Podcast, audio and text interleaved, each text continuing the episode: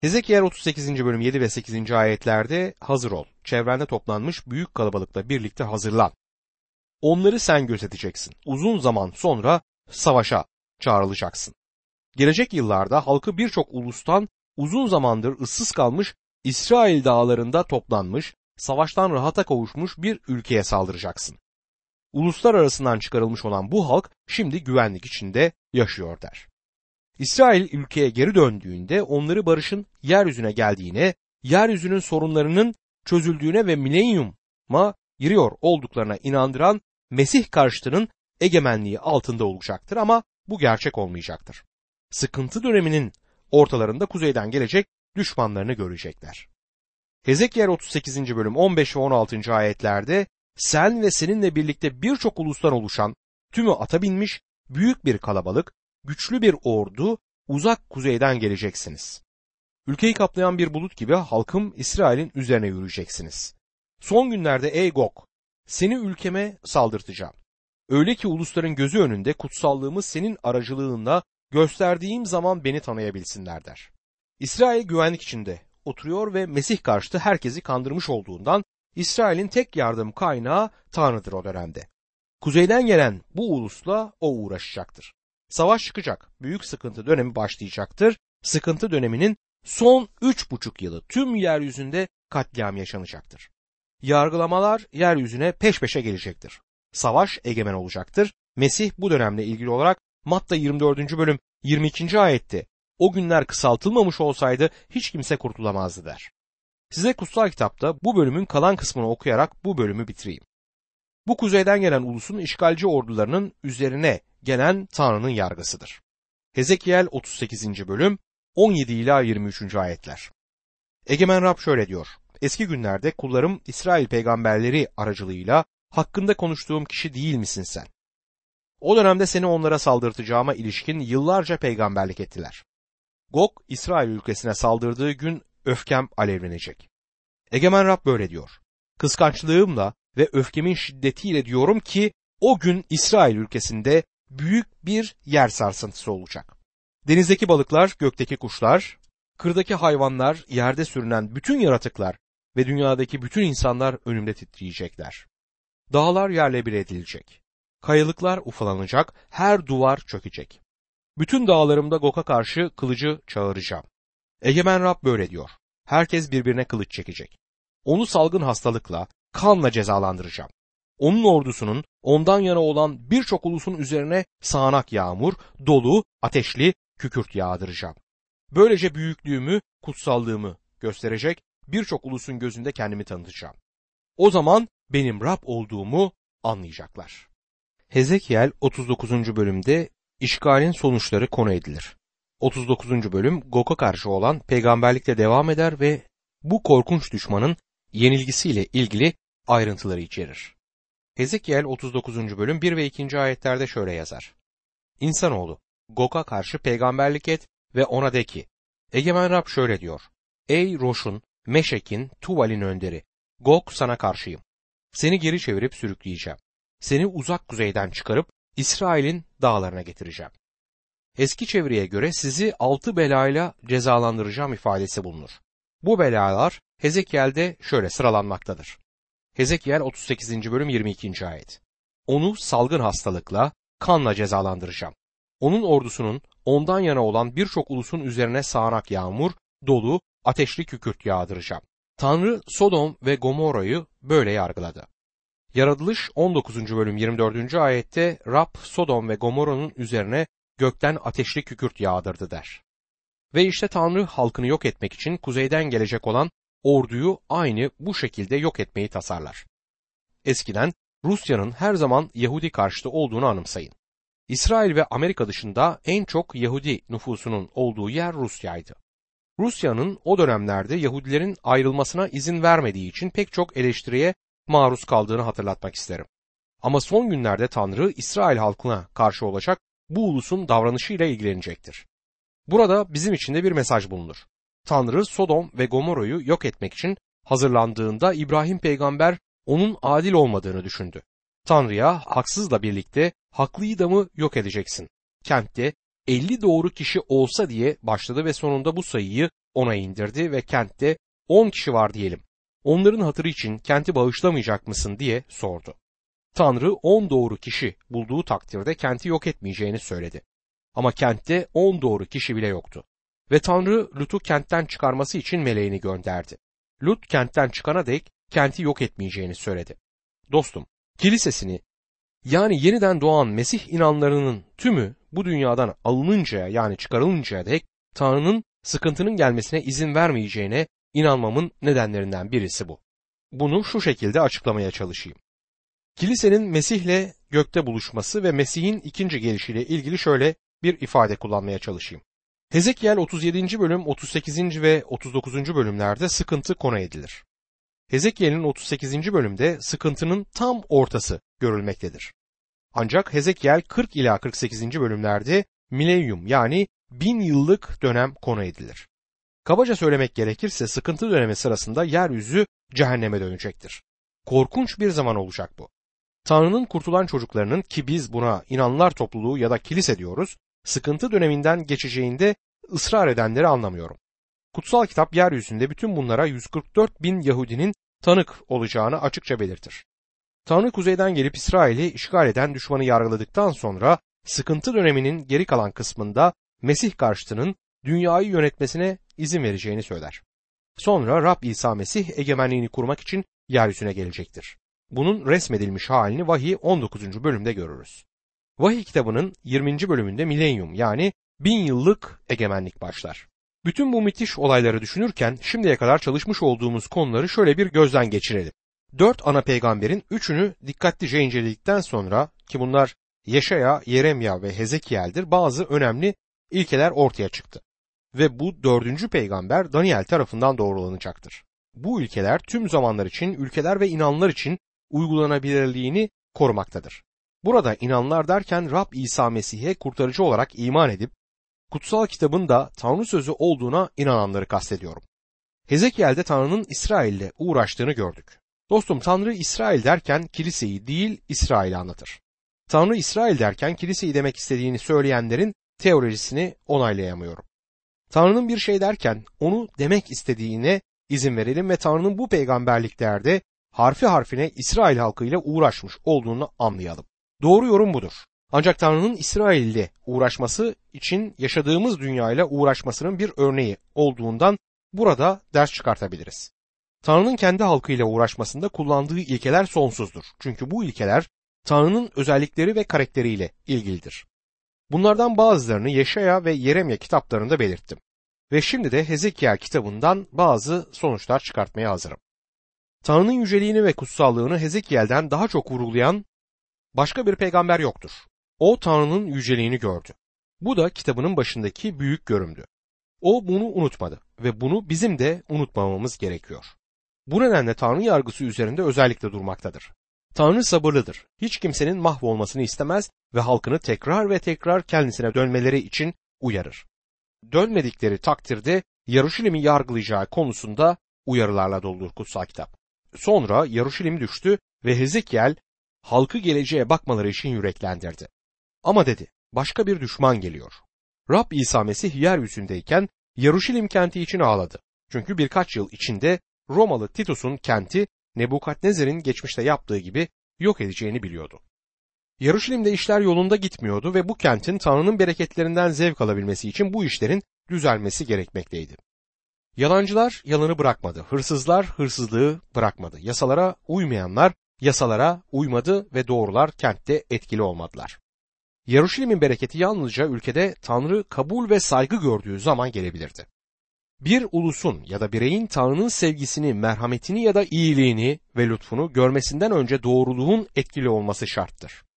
Yaruşilim hastalıklıydı. İnsanlar yanlış düşünüyordu.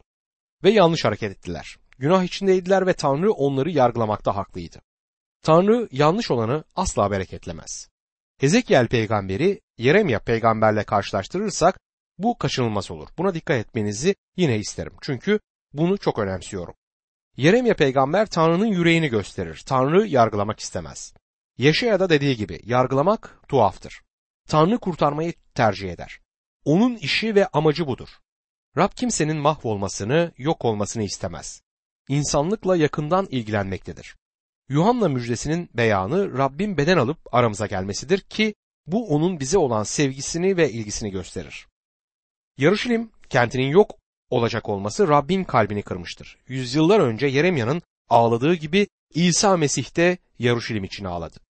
Hezekiel'de ise bambaşka bir şey görürüz. Yarışilim'in yok edildiği sırada Hezekiel peygamberin karısı öldü ve Tanrı onun karısı için yas tutmasını yasakladı. Hiçbir şey olmamış gibi davranması gerekiyordu. Rab İsa Mesih Yaruşilim için ağladı ama yas tutmadı. Yaptıklarından pişmanlık duymadı çünkü bunu yapmakta haklıydı. Tanrı gözyaşları içinde Yaruşilim'i cezalandırdı ve kenti yok etti ama bunu karakteri, kişiliği içinde tutarlı olabilmek için yaptı. Doğru olanı yaptı çünkü Tanrı'nın yaptığı doğrudur. Elçi Paulus Romalılar 9. bölüm 14. ayette şu soruyu sorar. Tanrı adaletsizlik mi ediyor? Ve yanıtını verir 14. ayette. Kesinlikle hayır. Tabii ki Tanrı'da adaletsizlik yoktur. Tanrı ne yaparsa doğru yapar. Yüceliği yargıda görülmektedir. Kayrası kurtuluşta görülür. Eğer Tanrı bizim için kurtuluş sağlamamış olsaydı insan için hiçbir kurtuluş mümkün olmayacaktı. Hezekiel kitabının 38 ve 39. bölümlerde İsrail'i işgal edecek olan Kuzey Krallığı'nın ki bunun Rusya olduğunu ileri sürenler vardır, gelecekte yok edileceğini gördük. Şimdi soru şudur. Tanrı bu Kuzey Krallığı'nı neden yok edecek? Bu ayeti yeniden okuyayım. Hezekiel 38. bölüm 15 ve 16. ayetler.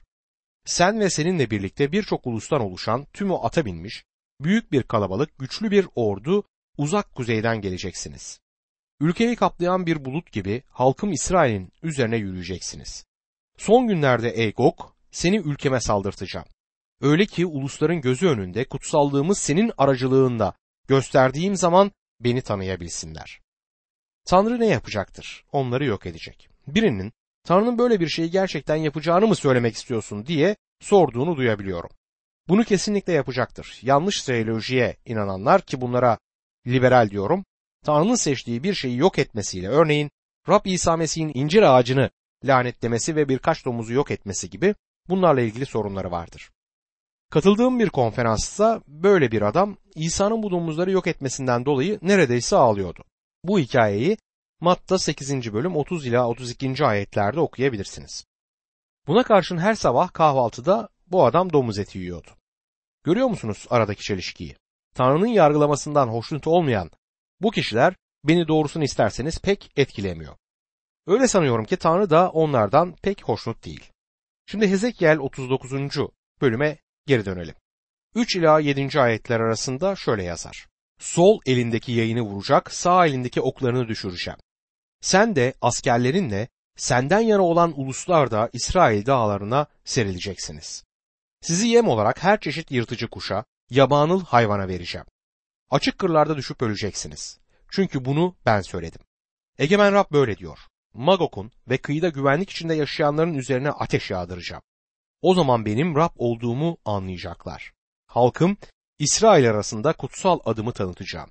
Bundan böyle kutsal adımın aşağılanmasına izin vermeyeceğim. Uluslar benim İsrail'de kutsal olan Rab olduğumu anlayacaklar. Tanrı kuzeyden gelecek ulusu yok mu edecektir? Magok'un ve kıyıda güvenlik içinde yaşayanların üzerine ateş yağdıracağını söyler. Soru şudur. Tanrı bugün nerede? Tanrı yerinde duruyor ve evreni yönetiyor. Dünyada pek de Tanrı korkusu yok. Öyle değil mi? Genel yargı Tanrı'nın yaşlı bir adam olduğu ve dünyadaki adaletsizliğe göz yumduğudur. Tanrı neden adaletsizliğe karşı harekete geçmiyor? Hayır dostum Tanrı kutsal ve adildir. O yaşlanmış değildir. Tanrı lütfundan dolayı sabrediyor. Zamanı gelince Tanrı harekete geçecek. Bundan emin olabilirsiniz. Yüceliğini kanıtlayacaktır ama bunu kinci, öcalan ve ters bir tavır içinde yapmayacaktır. Yargılayacaktır ve yargıladığı zaman bu dünyada Tanrı'ya karşı bir saygı ve hürmet olacak. Ve insanlar onun önünde eğilecekler. Romalılar 2. bölüm 3. ayette şöyle diyor. Bu gibi şeyleri yapanları yargılayan ama aynısını yapan ey insan. Tanrı'nın yargısından kaçabileceğini mi sanıyorsun? İnsan yargıdan kaçamayacaktır. Günahın cezasından kaçabileceğini düşünür. Ama bundan kaçamayacaktır. İbraniler 2. bölüm 2 ila 3. ayetlerde çünkü melekler aracılığıyla bildirilen söz geçerli olduysa her suç ve her söz dinlemezlik hak ettiği karşılığı aldıysa bu denli büyük kurtuluşu görmezlikten gelirsek nasıl kurtulabiliriz? Başlangıçta Rab tarafından bildirilen bu kurtuluş Rabbi dinlemiş olanlarca bize doğrulandı diyor. Dostum bu soruya Tanrı'nın bile yanıt vermediğini anlıyor musunuz? Bu denli büyük bir kurtuluşu görmezlikten gelirsek nasıl kurtulabiliriz? Tanrı başka yanıtım yok diyor bununla. Sonuç kurtulamayız. Bu sorunun yanıtı yoktur. Cehennemi duymaktan rahatsız olanlara şunu söylemek istiyorum ki dostum, cehennem var ve cehennem korkunç bir gerçektir. Bunu istediğiniz gibi yorumlayabilirsiniz ama burası yani cehennem kutsal Tanrı'nın kendisine karşı gelmiş olanları cezasını çekmeyecek günah işleyenleri bilerek Tanrı'ya ve onun kutsal adına küfredenleri özgürlük adına hayvan gibi yaşayarak ahlaksızlık yapanları koyduğu yer olacaktır. Dostum Tanrı'nın kutsal adı haklı çıkartılacaktır. Tanrı'nın kutsal adı nasıl haklı çıkarılacak peki? Nasıl kanıtlayacaktır bunu? Sevgisiyle mi? Rab bugün sevgisini oğlu Mesih İsa'yı vererek gösterdi. Onun adını ananlarımızın öğrenmesi gereken bir ders var. Onunla oynayamayacağımızı öğrenmemiz gerekir. Rabbe karşı küstahça davranamayız. İstediğimiz gibi yaşayıp sonra da onunla ahbaplık edemeyiz. Tanrımız kutsal olan bir tanrıdır, onu istismar edemeyiz.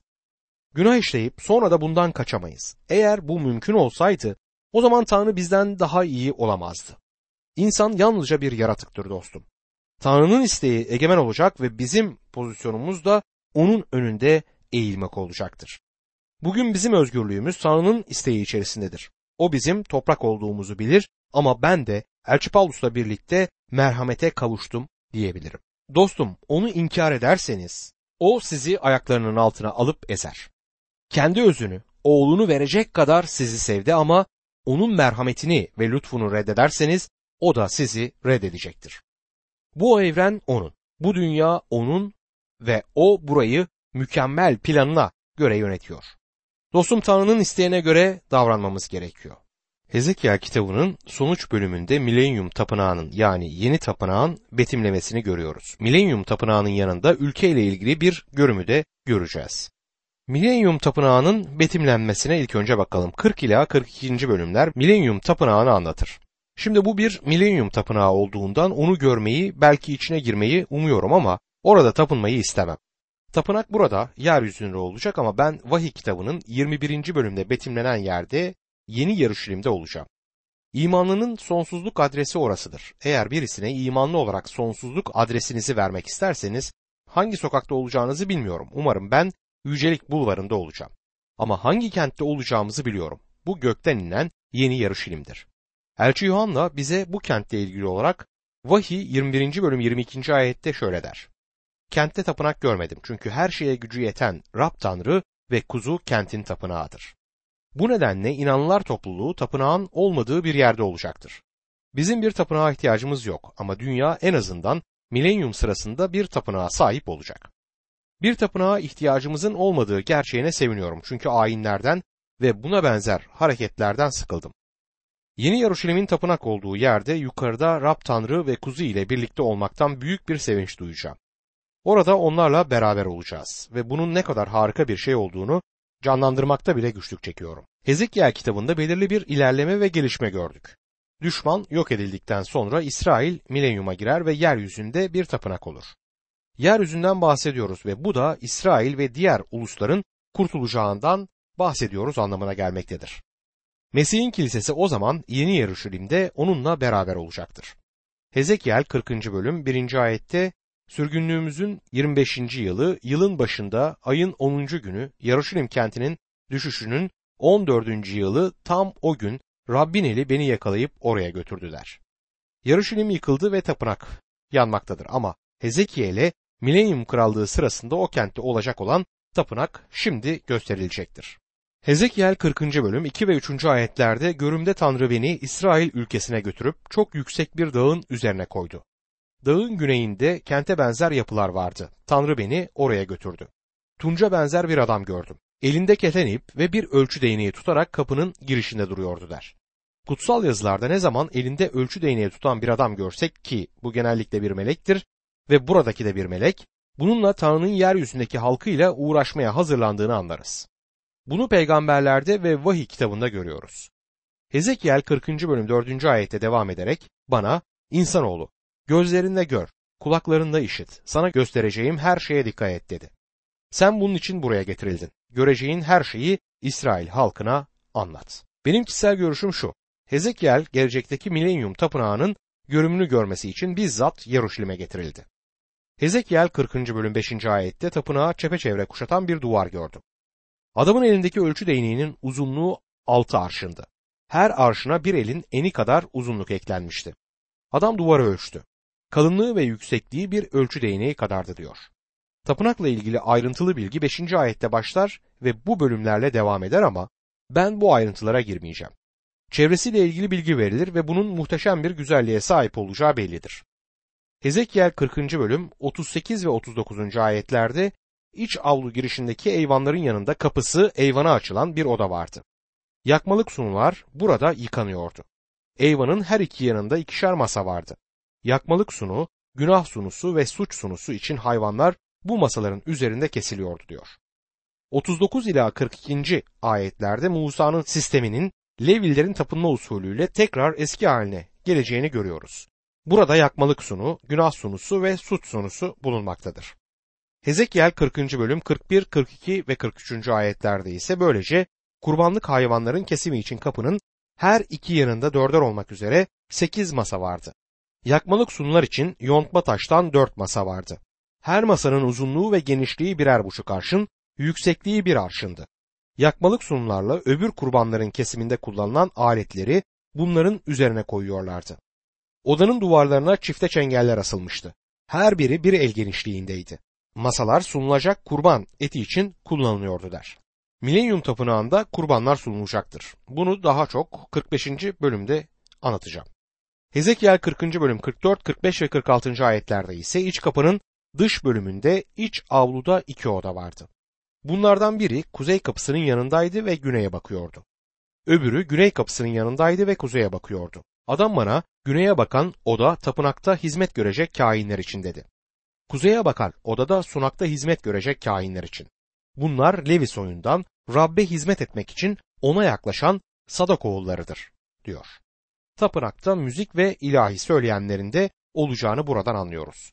Hezekiel 40. bölüm 47. ayette adam avluyu ölçtü. Kareydi. Uzunluğu 100 arşın, genişliği 100 arşındı. Sunak tapınağın önündeydi der.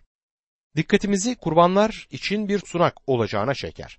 Yarışilim'deki büyük bir otelde, ismi Holy Land Otel'di, Kral Herodes ve Rab İsa'nın zamanındaki kentin küçük bir minyatürü vardır.